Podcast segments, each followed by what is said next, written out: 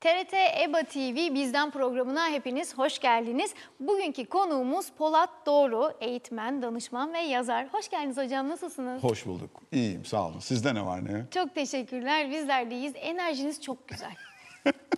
Sağ olun ya, çok teşekkürler. Sizin de öyle. Burada olmak da çok güzel. Ben e, büyük memnuniyet duyuyorum bugün burada olmaktan dolayı. Biz de aynı şekilde çok teşekkür ederiz geldiğiniz için. Eyvallah. Ee, hemen ben konuya girmek istiyorum. Gir hocam. İçinde bulunduğumuz ilişki size kendiniz olma fırsatı veriyorsa doğru ilişkidir. Evet. Diyorsunuz. Ha, ben de. İlişki içindeyken insan kendini e, nasıl e, Tamam. Doğru bulur? Ya şimdi bu özü itibariyle şimdi nereden geliyor bu muhabbet biraz ondan bahsedeyim. Ben e, bu alanda uzun zamandır çalışan birisiyim. Çok konuşan birisiyim. İşte seminerler yapıyorum, eğitimler yapıyorum falan filan. Tabii insan böyle şeyler yapınca bir arayışın içerisinde oluyor. Öyle bir şey anlatayım ki herkesin çok hoşuna gitsin. Öyle bir şey söyleyeyim ki aa meğer sen bunu merak ediyormuşum desinler istiyoruz. Öyle olunca da ben ne anlatırım, ne konuşurum falan diye düşünürken tabii İlişki içerisinde olduğum gruplar var. Özellikle öğretmen gruplarıyla çok yoğun çalışıyorum. Hocam dedim ya seneye bir konuşma yapacağım. Bana bir konu söyleyin ya ne dinlemek istersiniz diye. Onlar da dediler ki biz mutluluk konusuyla ilgili bir şeyler dinlemeyi çok isteriz dediler. Şimdi başlık güzel geldi. Mutluluk konusu herkesin ilgisini çekiyor. Hepimiz istiyoruz. Evde mutlu olalım, sokakta mutlu olalım, işte mutlu olalım, ailede mutlu olalım, odur budur. Hepimiz istiyoruz. E mutluluk konusuyla ilgili o zaman ne yapmak lazım diye araştırırken araştırırken ben bir araştırma buldum. Bu London School of Economics'te Richard Layard diye bir bilim insanı oturmuş bir araştırma yapmış. İşte insanı mutlu eden unsurlar nelerdir diye bugüne kadar yapılmış araştırmaları incelemiş, incelemiş, incelemiş ve içinden de böyle yani 30-40 tane kültürden 30-40 senelik dökümü alarak çalışıyor. Buna bir meta analiz diyorlar. Başkaları ne yapmışa bakıp hepsini bir araya getiriyor. Bulmuş 7 tane temel unsur bulmuş. Bunlardan birincisi de demiş ki sağlıklı aile ilişkileri demiş. Bir insanın mutluluğunun kökeninde hangi kültürde olursa olsun, hangi zamanda yaşarsa yaşasın sağlıklı aile ilişkileri var demiş. E Richard abi öyle deyince ben de dedim ki ya bu sağlıklı aile ilişkisi nedir? Yani bir şeyin, bir ilişkinin sağlığını ne tanımlar diye baktığımda da gördüğümüz bir şey var. Bir ilişkiyi anlamlı kılan şey, sağlıklı kılan şey, seni o ilişkide var kılan şey, içinde bulunduğun ilişkinin senin kendi oluşuna sunduğu imkan. Eğer içinde bulunduğunuz ilişki size kendiniz olma imkanı veriyorsa o ilişki sağlıklı bir ilişkidir. Eğer içinde olduğunuz ilişki sizi bir şeye benzetmeye çalışıyorsa siz o ilişkinin malzemesisiniz. Aslında siz yoksunuz. Ben ve benim hayallerim var. Ben de bu hayallerimi sizin üstünüzde gerçekleştiriyorum demektir. Bu da zaten daha ifade ederken sağlıksızlığını ortaya koyan bir tanım. İnsan kendini gerçekleştirmek üzere yaşayan canlılardan bir tanesi. Öyle ya da böyle bu Maslow'un hiyerarşisinin en tepe noktası. Yani karnım doyarsa, dostlarım, ahbaplarım olursa, yaşamla ilgili ihtiyaç duyduğum temel meseleleri halledersem artık ulaşmaya çalıştığım bir yer kalıyor. Orası da benim kendini gerçekleştirme niyetim. Kendimi gerçekleştirme derdim. Erich Fromm diye de birisi var. Neyse şimdi bilim adamını ufaladık ama e, Erich Fromm çok önemli birisi. Ben sadece çok akademik gitmeyelim diye öyle söylüyorum. Erich Fromm da sevginin tanımını çok müthiş yapıyor. Erich Fromm diyor ki sevmek diyor sevdiğinin olabileceğinin en iyisi olması için elinden gelenin en fazlasını yapmaktır diyor. Aslında ikisi çok benzer şeyler söylüyorlar. Erich diyor ki eğer diyor ülkeni seviyorsan, eğer diyor çalıştığın işi seviyorsan, eğer karını, kocanı seviyorsan, eğer çoluğunu, çocuğunu seviyorsan onun diyor kendini gerçekleştirmesine katkı koyarsın diyor. Aslında özü itibariyle biz bir başkasının kendi oluşuna verdiğimiz destekle ona olan sevgimizi gösteriyoruz. Bir başkasının kendi oluş yolculuğuna yaptığımız tanıklıkla, orada duruşumuzla, orada verdiğimiz katkıyla ona olan sevgimizi gösteriyoruz. Bunlar birbirini destekliyor. İnsan iki kişiyi sevebilir aslında. Bir kendini sevebilir, bir de karşısındakini sevebilir. Biz bir ilişkide diyoruz ki insan sadece kendisini sevmesin. Kendini sevmek önemlidir. Ama karşı tarafı da sevsin. İkisini birlikte sevdiğini nereden görürüm? Benim gelişmeme, benim kendim olmama katkı sunuyor mu oradan görürüm. Bu aynı zamanda müthiş bir özgürlük tanımıdır da. Evet. Sen benim hayatımdasın, benim için çok değerlisin. Seni çok önemsiyorum ama sana özgürlüğünü verecek kadar seni çok önemsiyorum demek bu müthiş, müthiş bir, şey. bir şey. Ve bir şey söyleyeyim çok zor bir şey. Peki zor bir şey. ebeveynler çocuklarını nasıl yetiştirmeli ki kendilerini bulsunlar, kendi gibi davransınlar? Okulda, arkadaş hayatında, Vallahi ailede. Allah deyin, doğa deyin, Tanrı deyin, nasıl tanımlıyorsanız tanımlayın. Aslında yaratılış itibariyle zaten buna müsait. Kurcalamazsanız yakalıyor zaten bunu. Yani Evet. Kurcalamazsan zaten bütün sistem kendi olmak üzerine kurgulanmış vaziyette. Ne istediğini biliyor, neyi istemediğini biliyor, nereye gitmek istediğini biliyor, nereye gitmek istemediğini biliyor, yemek yemeyi isteyip istemediğini biliyor, uyumak isteyip istemediğini biliyor. Allah aşkına bir şey yapmaya gerek kalmıyor ki artık. Dinleyip anlayacak emeği verirsen herkes söyleyeceğini söylüyor. Ama benim gördüğüm şey şu, biz çoğu zaman sevdiğimizin yaşantısının bizim inandığımız ölçekte iyi olabilmesi için unsurlarını da tasarlamaya başlıyoruz. Çok müdahale ediyoruz değil mi? E, tabii ki çok müdahale ediyoruz. Bütün iyi niyetimizle canına okuyoruz öyle olduğu zaman. Şimdi ben iki çocuk büyüttüm. Yani iki çocuk babasıyım. Eyvallah. Darısı başınıza. Sağlıkla büyüsün. Sağlıkla büyüsünler. Herkesin çoluğu çocuğu Amin, sağlıkla inşallah. büyüsün, keyifle büyüsün. Ben şuna kendimi ikna ettiğim günden beri çok rahat yaşıyorum. Rahat yaşıyorum dediğim uygulaması çok kolay değil. Hala çok zor ama fikren iman ettim, inandım artık ben buna. Yani ya ben bu çocuğun kendini bulma yolculuğunun gözlemcisiyim. Bu yolculuğun sponsoruyum. Bu yolculuğun destekçisiyim. Bu yolculuğun tasarımını yapan kişisi değilim. Ben ne zaman bir yolculuk tasarlamaya çalışırsam patlıyor elimde. Ben diyorum ki ya o bir yolculuk yapacak. E, senin derdin ne? Bu yolculuğu sağlıkla yapması, iyi yapması, sonunun iyi olması değil mi? O zaman ne yapman lazım? Yani o zaman yapman gereken şey bu yolu sağlıkla, güçlü, kuvvetli bir şekilde yürüyecek birinin gelişimini desteklemek. Peki Uzun- o yol sözünüzü kestim özür dilerim. O yolda çıkabilecek bir sürü şey var. Ve o kötü olduğuna da inanıyorsunuz. Evet. E, nasıl ikna edersiniz peki çocuğu? Şimdi şöyle söyleyeyim. Eğer sizin çocuğunuzla aranızdaki ilişki sağlıklı bir şekilde gelişmişse, bunu da ana babalara söylemiş olalım efendim. Zırt pırt hayır diyorsanız sizin hayırınızın hiçbir esprisi kalmıyor. Arada sırada hayır diyen birisiyseniz çocuk da Allah akıl vermiş. Dur diyor ya bu böyle sık sık söylemiyor bunu. Bir, Vardır bir- bir- vardır bir bildiği iki satır dinleyelim bunu diyor. Evet. Şimdi sen her şeyi yönetmeye, her şeyi kontrol etmeye, hepsini benim uygun gördüğüm şekilde yapsına doğru yürüyünce çocuk da kendi doğası gereği hangi yaş grubunda olursa olsun küçükken ağlayarak, büyükken trip atarak, ne bileyim seni yok sayarak, görmezden gelerek, uflayarak, puflayarak bunu bana yapmayın diyor. Bunu bana yapmayın diyor. Sen ne diyorsun? Diyorsun ki ha o kadar yemek sana yetmez diyorsun. Şimdi çocuk da diyor ki ben diyor mideme sordum diyor. Doydun mu diye. Çünkü sistem var içeride. Evet.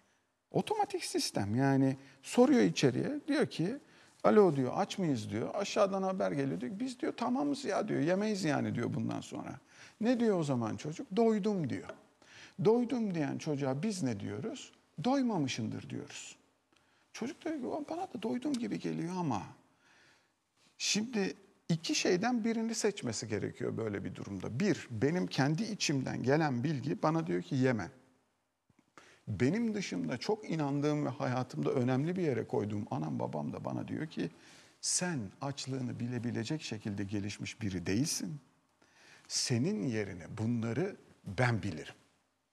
E pardon ama yani buradan sağlıklı ilişki çıkma ihtimali var mı? Çok zor. Çok zor. Benim yemeğime örnek olsun diye yemeği veriyorum. Bakın bunu tuvaletine yapıyoruz, yemeğine yapıyoruz, kılığına yapıyoruz, kıyafetine yapıyoruz, arkadaşına yapıyoruz, dostuna yapıyoruz. Ve hepsinde verdiğimiz mesaj aynı. Sen bilemezsin. Kendi olma fırsatı vermiyoruz. E işte, tabii değil mi? ki.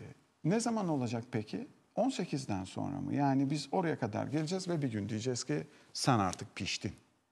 E buradan sonra olabilirsin. E ama buraya kadar benim biriktirmem gereken sermayelerin işte o özgüven, öz saygı, öz değer, beni ben yapan, beni hayatta güçlü kılan, yol yürümemi sağlayacak hiçbir malzemeyi ben almadım. Şimdi de bana diyorsunuz ki hadi gel yap. Çocuk sahaya ilk kez çıkıyor. Gerçekten teslim ediyor anneyle baba bir yerde. Al diyor hayat senin. Ama çocuk onu hayata geçirebilecek altyapıya sahip olmadığı için yapamıyor. Yapamayınca da ana babalar bizi seminer çıkışında yakalıyorlar. Hocam benimkisinin hiç özgüveni yok diye. Ne yapacağım? Ne, ama bir şey söyleyeceğim.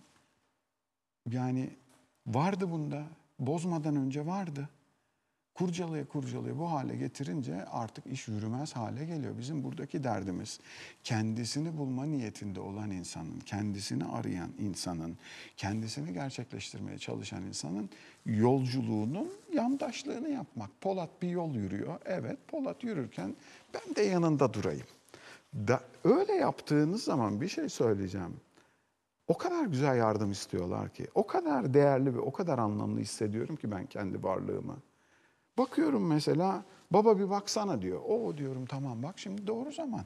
Sen ikide bir girmezsen darda kalan zaten sesleniyor.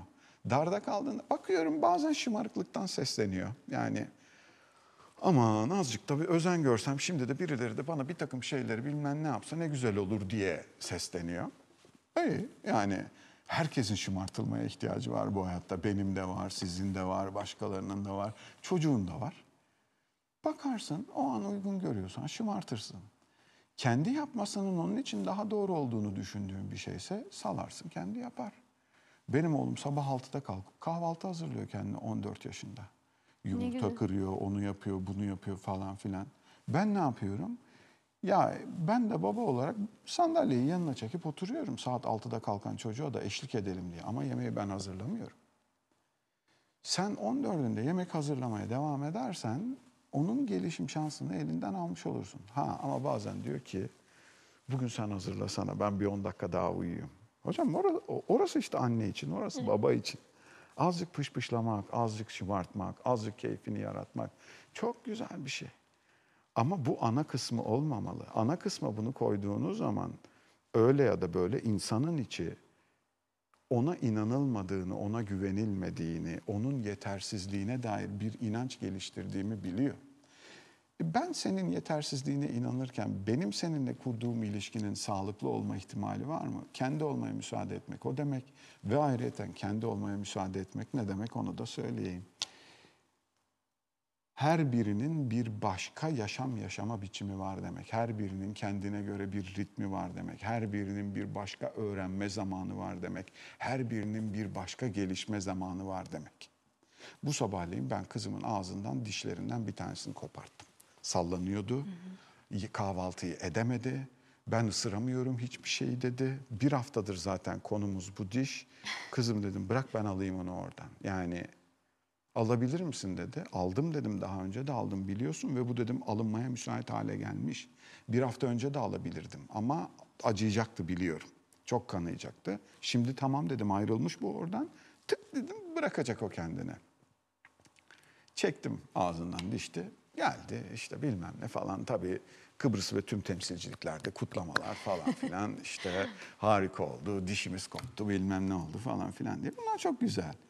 Ama sonra ne sordu? Abimin dişleri ne zaman kopmuştu dedi. Niye onu soruyor? Yakın çevresinde kendini kıyaslayabileceği birileri var onun için soruyor. Sınıfımda dişleri dökülen bir sürü arkadaşım var. Benim az döküldü aslında diyor. İnsan eğer siz oraya doğru yönetirseniz diğerleriyle kendini kıyaslayarak kendini anlamsızlaştırmaya çok müsait. Çünkü referans onlar var. Kimden bileceğim ben bunu diyor. Kızım dedim herkesin durumu başka. Onun üç tane dişi çıkar, öbürünün beş tane çıkar, birinin hiç çıkmaz. Senin dedim üç tane dişin çıktı doğru. 7-8 dişi çıkan arkadaşların var doğru ve bu büyümekle ilgili gösterge. Ama senin de boyun daha uzun. Hepimiz başkayız. Ya asıl mesele orada her birimizin başka olduğunu kabul edebilmekte ve Emel Hocam düşünün kendi ilişkilerinizi, onu bunu. Benim başka biri olduğumun kabul edildiği ilişkilerin bana verdiği rahatlık yaşamdaki en büyük zenginliklerden bir tanesi. Arkadaşlarım bunu yapıyorsa ömür boyu yanımda olsunlar istiyorum. Eş bunu yapıyorsa ömür boyu yanımda olsun istiyorum. Tabii ki senin doğru bildiğin şeyler var. Benim doğru bildiğim şeyler var. Yaşamla ilgili bildiklerimiz var falan ama biz eğer o özgürlük alanını tanırsak insanlar daha mutlu oluyorlar ve bana göre de asıl değerli olan kısmı da orası. Ana babalık, öğretmenlik, liderlik, hadi ne bileyim büyük arkadaşlık falan dediğimiz şey bir başkasının yolculuğunun yandaşlığını yapabilme, yarenliğini yapabilme halidir. İhtiyaç duyduğunda destek olabilme halidir ve öyle bir ilişki tasarımıdır ki ben ihtiyaç duyduğumda söyleyebiliyor olmamı gerektirir. Ee, ortam zaten buna müsaitse insan dara düştüğünde de çok rahat söylüyor bana yardım eder misiniz diye. Öyle bir ilişki geliştirmişseniz işte az evvel sizin çocuğunuz buradaydı. Evet. Ee, ben kendi adıma şunun büyük e, bunu uzun vadeli hedefim olarak görüyorum. Öyle bir ilişki kuralım ki o kurduğumuz ilişkinin içerisinde onlar gelip talep edebilsin, anlatabilsinler. Ben iyi bir dinleyici olursam, ben yargılamayan birisi olursam zaten 5-0 önde başladığım bir maç bu. Bu istediğim yere gider. Çünkü çocuk ana babaya bağımlı doğuyor. Yani hem bağlı hem bağımlı doğuyor. Yavaş yavaş bağlılık kısmı güçlenirken bağımlılık azalmaya başlıyor. Biz yatırımı hala bağımlı olsun kısmına yapıyoruz. O iyi bir şey değil. Doğru. Bırak yemeğini kendi yesin, bırak banyosunu kendi yapsın. İstediğin gibi olmayabilir. Bırak arkadaş kendisi seçsin. Biz seçtirdik, seçti. Tabii ki yanlış arkadaşlar da seçti. Ama kendisi fark etmeli değil mi? Tabii ki fark etmez olur mu? Yanlış Bir yerden sonra deyip- diyor ki ya diyor ben diyor peşinde koşuşturuyorum beni hiç umursamıyor diyor. Yan yana geliyoruz diyor telefonu elinden bırakmıyor. E o zaman diyorum oğlum ya sen birine elindeki en değerli sermayeyi veriyorsun. En değerli sermayeni veriyorsun. Zamanını veriyorsun. Ve bu zaman senin istediğin gibi akmıyor. Ve ikinizin ortak geçirdiği bir zaman da olmuyor. Ne yapmak lazım o zaman diyorsun. Hakikaten çocuk o zaman diyor ki ya diyor ben ben diyor en temizi diyor pek görüşmek istemiyorum diyor. Ama bunu siz söylüyor olsanız Allah hadi küçükken gene gücün kuvvetin var söyledin yaptırdın bilmem ne sonra ne olacak? ki ergenlikte daha zor. Ergenlikte çok zor. Eğer böyle bir tavrın içerisinde olursan, benim derdim senin gelişmen ve kendini bulman tavrı içerisinde olursan, ergenlikte çok güzel bir macera oluyor. Ergenlikte Benim gözüm korktu ergenlikten. Okuduğum kitaplar, Yok, yok, çevremdeki hiç, insanların e, söylen, söylediği şeyler, çocuklarıyla yönetmeye ilgili. kalkarsan çocuk sana ergenliği cehennem ediyor. Doğru. Ama yönetmeye kalkmaz, birlikte yol yürümeye niyet edersen ergenlik kendi içinde zorlukları olan doğal bir gelişim dönemi haline geliyor. Onca hormonla bu çocuğun saçmalamasından daha normal bir şey yok ki. Elbette. Yani net söyleyeyim o hormon düzeyini benim vücudumda sağlasalar ben de makul biri olamayabilirim. Çocuk o gelişim sürecinin içerisinde bir arayışta. Oraya bakıyor, buraya bakıyor, ona bakıyor, buna bakıyor. Risk algısı yok. Mesela insan beyninin risk hesaplayan kısmı ergenlikte yok. Yok. Yani 20'li yaşlardan sonra gelişiyor. Çalışmaya başladığında 25 oluyor. Sen de dur, gitme, yapma, etme dedikçe o da tehlikeyi de anlamadığı için sürekli tersine doğru gitmeye başlıyor. Ben anne babalık meselesinin iyi bir takım arkadaşlığı konusuyla ilgili bir karar noktası olduğunu düşünüyorum. Bana göre öğretmenlik meselesi de bu. Bana göre eğitimcilik meselesi de bu. Biz eğer içinde bulunduğumuz ortamda bir takım seçimler yapıyorsak, işte ben burada kendi çocuğumla birlikte takım arkadaşı olmayı seçiyorum diyorsak, o zaman yollar birlikte yürünebiliyor. Yani ben evladımın takım arkadaşıyım. Kendimi koyduğum yer burası. Takımın yöneticisi değilim. O su de- Elbette ki yöneticisiyim. Yani eninde sonunda birilerinin bu masaya elini koyması gerekiyorsa o benim, annesi falan.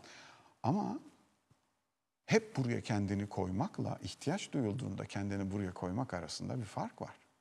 Yani hep buraya kendini koyduğun zaman çocuk diyor ki ya biz senin kendi yaşam maceranın malzemesiyiz işte. Sen babalık yapacaksın. Biz de çocuk olarak seni babalığını yaşayacağız. Oysa ki bir seçenek daha var. Biz takım arkadaşı olabiliriz. Birlikte bir yol yürümek demek öyle bir şey. Eğer takım arkadaşıysak ben Türkiye'nin çok önemli kurumlarına eğitimler veriyorum. Sağ olsunlar çağırıyorlar. Odur budur işte o firma bu firma bilmem ne. Takım arkadaşı olmak ne demek biliyor musun? Birbirinden farklı yetenek ve becerili olan ekip olduğunu söylediğimiz grubu bir A noktasından B noktasına götürmek demek. Bu da ne demek? Ana baba olarak bizim bir hedefimizin olması lazım. Evladımızı da içine dahil ettiğimiz. Bu hedefle ilgili bir mutabakat olması lazım aramızda. Yani nereye gidiyoruz sorusuna bütün ekibin aha oraya diye cevap veriyor olması lazım. Çünkü ben davranış seçerken neye göre seçeceğim? Gitmeye çalıştığımız yere göre seçeceğim. Ben gitmeye çalıştığımız yere göre davranış seçiyorum. Öbürü de gitmeye çalıştığımız yere göre davranış seçiyor. Öbürü de gitmeye çalıştığımız yere göre davranış seçmeye çalışıyor. Ve bütün davranışlar da aynı yere gitmeye çalışıyor. Hocam zaten bir sorun kalmaz ki o zaman. Örnek olsun diye. Öfkelenmek bizim evde serbesttir. Çünkü öfke normal bir duygu. Yani şöyle bir şey yok. Öfkelenmeyin lütfen. Yani ya niyeyse, Mutluluğu nasıl yaşıyorsak onu da yaşamak. niyeyse öfkeleniyorum arkadaş. Bana diyor aynen şey gibi köpekten korkma ya korkuyorum bir nedeni var neyse ne ondan dolayı korkuyorum. Öfkeleniyorum onun da bir nedeni var neyse ne bilmiyorum. Bir nedenden dolayı ben öfkeleniyorum. Şimdi öfkelenmek doğal bir şey ama öfkemi nasıl yaşayacağım meselesi seçimle ilgili bir şey. Şimdi biz takım arkadaşıysak bizim takımın öfkeyi nasıl yaşayacağıyla ilgili durumların netleşmiş olması lazım. Bunda kızılacak bir şey yok ki dedin mi? Şöyle diyen birine denk ki ay vah iyi ki söyledin. Şimdi bugün itibariyle bunu bırakıyorum bir daha buna hiç kızmayacağım ben. Böyle biri yok. Çocuk da aynı şekilde bir neden- Öfkeyi daha da arttırıyor aslında değil mi? bir kere bir şey söyleyeceğim. Beni yok sayan bir tavır bu. Bir nedenden dolayı ben öfkeleniyorum. Yani bunu söylediği zaman öfkesi yükselmeyen birine ben hiç denk gelmedim. Daha da öfkeleniyor. Diyor ki ya arkadaş ben deli değilim. Bir nedenden dolayı öfkeleniyorum işte. Çocuk için de aynısı geçerli. Biz bir yol seçmişiz kendimize. Öfke bizim evde normaldir. Eyvallah. Ama fiziksel temas kabul değildir. Yani bu da öfke yaşanabilir bir duyguysa da birbirimize birbirimize fiziksel temas içerisinde bulunmak bu yolun içerisinde kabul görmeyen davranışlardan.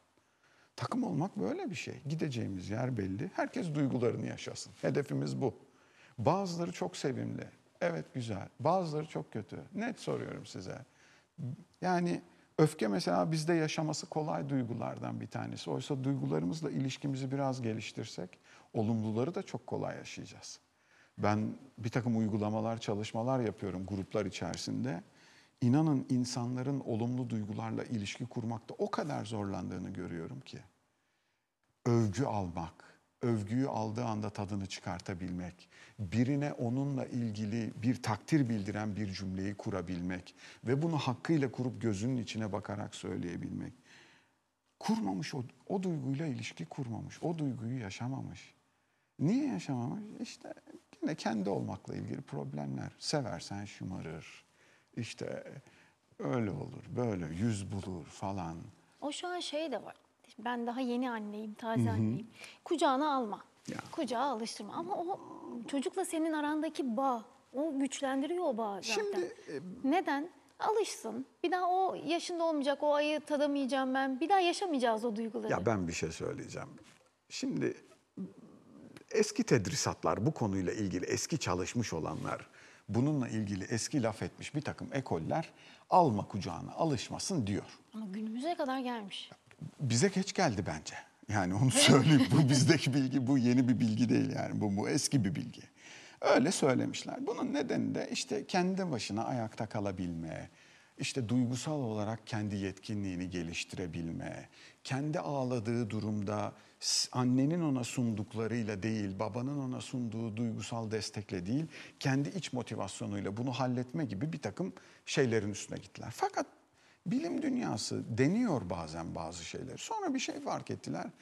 Ya evet bunu sağlıyor gerçekten ayakta durmayı sağlıyor. Ama ihtiyacı Ancak var. bununla beraber bir duygusal boşluk da yaratıyor.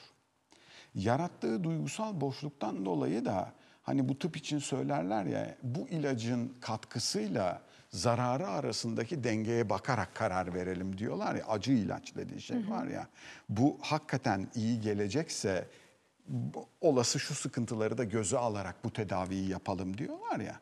Bu tam öyle bir şey. Sonra baktılar dediler ki ya attığımız taş ürküttüğümüz kuşa değmiyor. Siz bu çocukları kucağınıza alın dediler. Şimdi yatak paylaşmayı önerdi. Oda paylaşmayı önerdi. Şimdi son dönemin e, tedrisatı, son dönemin müfredatı, son dönemin bilgisi de diyor ki işte co-sleeping diye bir şey var diyor. Önce diyor anneyle babayla yatak paylaşır diyor. Ama diyor ondan sonra oda paylaşır diyor. Ama ondan sonra odayı ayırır diyor.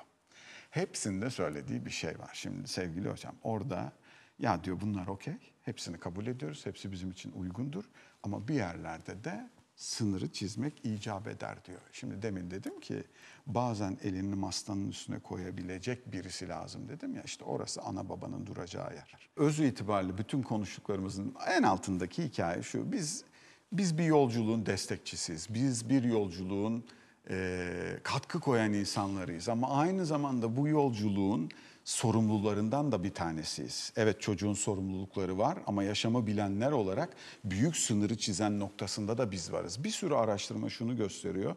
Bir çocuğun özgüven gelişiminde anneyle babanın oluşturduğu o içindeki esnekliğin olduğu geniş alan taşıyan sınırlar da var. Biz o sınırları da tanımlıyoruz. Ancak bunları çeşitli şekillerde tanımlamak mümkün. Bir tatsız, sevimsiz bir şekilde tanımlamak mümkün. Bir de böyle hakkıyla, keyfiyle tanımlamak mümkün. İşte o hakkıyla, keyfiyle tanımlama kısmı biraz o şımartmanın olduğu yerde, biraz o sevginin olduğu yerde, biraz o keyfin olduğu yerde. Tabii ki saracaksın hocam. Yani sarmadan olur mu ya? Ya ben 47 yaşındayım. Babam beni sardığı zaman çok hoşuma gidiyor. Allah rahmet eylesin. Keşke hayatta olsaydı annem de sarılsaydı Allah bana. Keşke nenelerim hayatta olsaydı onlar da sarılsaydı bana. Yani yerine koyabileceğin hiçbir şey yok ki onların. Bu yaşamda bizim buna ihtiyacımız var. Benim oğlum da kızım da her gün yanıma geliyorlar sar beni diye. Ve ya başka bir şey koyamayacaklar oraya. Evet. Bu anne olmakla, baba olmakla ilgili, bizim aramızdaki ilişkiyle ilgili ve biz bunu keyfiyle devam ettirdiğimiz sürece ben hayır demiyor muyum? Tabii ki hayır diyorum. Bu bizim için uygun demiyor muyum? Hayır uygun değildir tabii ki diyorum. Ama bir yerde bunu söylerken sertlik yapmanın, bunu söylerken bir gerginlik yaratmanın, bunu söylerken tatsızca söylemenin alemi yok. O güven ilişkisi oluşmuşsa zaten bize inanıyorlar, bizi seviyorlar. Anlatmak gerekiyor çocuklara. Anlatmak gerekiyor. Bir yerini belirlemek lazım. Yani bir dakika bu uygun değil, bu bizim için uygun değil. Yani her anlattığımız şey her aile içinde geçerli olmayabilir. Biz bunu uygun görmüyoruz. Bizim ailemize uygun değildir. Bizim inandığımız dünya için uygun değildir diyebilecek bir özgürlük halimiz var. Eğer biz takım olacaksak. Evet. Ana baba bunun için var bence. Eğitim bunun için var. Ekip olma bunun için var. Çok kıymetliydi söyledikleriniz. Çok teşekkür ediyoruz. Eyvallah. Daha soracağım bir sürü şey var aslında size ama zamanımız bitti. Çok teşekkür ederim. ya. Geldiğiniz için çok teşekkür ederiz. O keyif bana ait. Ben teşekkür ederim. Görüşmek dileğiyle. Bu haftaki konuğumuz Polat Doğru'ydu. Kendisine çok teşekkür ediyoruz. Başka bir bölümde görüşmek üzere. Hoşçakalın.